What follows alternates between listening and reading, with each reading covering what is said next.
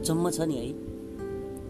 यो मानिसमा काम क्रोध लोभ मोह भएन भने के हुन्छ होला? सबैभन्दा पहिले त यो तन्त र मोमो हटेर हामी हुन्थ्यो होला। सायद त्यसो भए सबैले भन्ने गरेको स्वर्ग यही हुन्थ्यो होला। सबै सुखसँग आरामदायक जीवनयापन गर्थ्यो होला नि है। मानिसहरूमा भाइचारा सदाचार सम्मान सद्भाव हुन्थ्यो होला। मानिसहरू आफ्नो ध्येय छोडेर सम्पूर्ण चराचरको कल्याणमा लाग्थ्यो होला। या तर मान्छे न हो। अलिकति आडम्बर स्वार्थ अलिकति ईर्ष्या अनि मै हुँ भन्ने भावना भएन भने त किक पनि आउँदैन होला नि है। यस्तै सोच्ने गर्छ आजभोलि म। आखिर सोच्न पैसा पर्ने भने क्यारे? अजब गजब छ। कोही मानिस एउटा सानो घेराभित्र रमाइरहेका रमाइरहेका छन्। त कोही रमाइरहेका ढोङ गर्दैछ आखिर सबैलाई देखाउनु न छ। चाहे दर्शकलाई मन परोस् वा नपरोस् उसले अनवरत रूपमा देखाइरहन्छ। फुकिरहन्छ उसका अश्लील आडम्बरका ढुवाङ अचेल उसलाई गरिने सम्बोधन पनि फिक्का लाग्न थालेको छ। उसलाई गर्ने सम्बोधन अब ऊ जस्तो भएर हुँदैन। ऊभन्दा स्तरीय हुनु पर्यो अरे। सामान्य मान्छेलाई अब यहाँ मानव मात्र भनेर पुग्दैन महामानव भन्नुपर्ने भइसक्यो।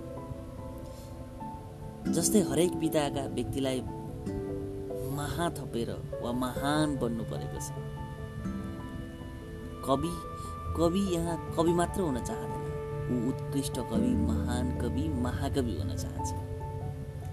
कलाकार नायक नायिका उनीहरू महानायक महानायिका हुन चाहन्छन् नेता राजनेता पत्रकार वरिष्ठ पत्रकार समाजसेवी महान समाजसेवी खेलाडी महान खेलाडी सबैलाई विशिष्टतम सर्वनामदारी हुनु परेको छ यहाँ। सबै मान सम्मानका बोका मात्रै छ। केवल साधारण मनुष्य छैन।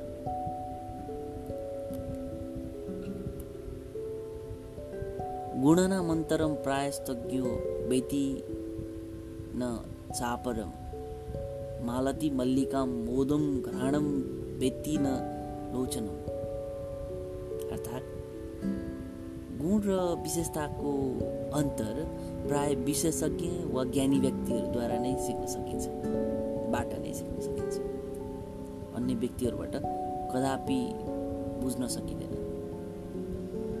जस्तै चमेलीको सुगन्ध नाकबाट मात्रै थाहा पाउन सकिन्छ आँखाबाट सकिँदैन।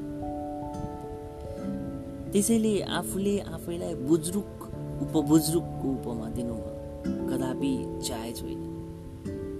सबैले काम क्रोध लोभ मोह त्याग अति सर्वत्र वज्रयत अर्थात् अतिले क्षति हुन्छ। सधैँ सबै कुराको अधिक वा धेरै आश गर्नु त्यो क्षतिको बाटो रोज्नु हो। त्यसलाई प्रश्रय दिनु हुँदैन वा धेरै आश गर्नु हुँदैन भन्ने कुरा मनन गरौँ। हस्त। धन्यवाद।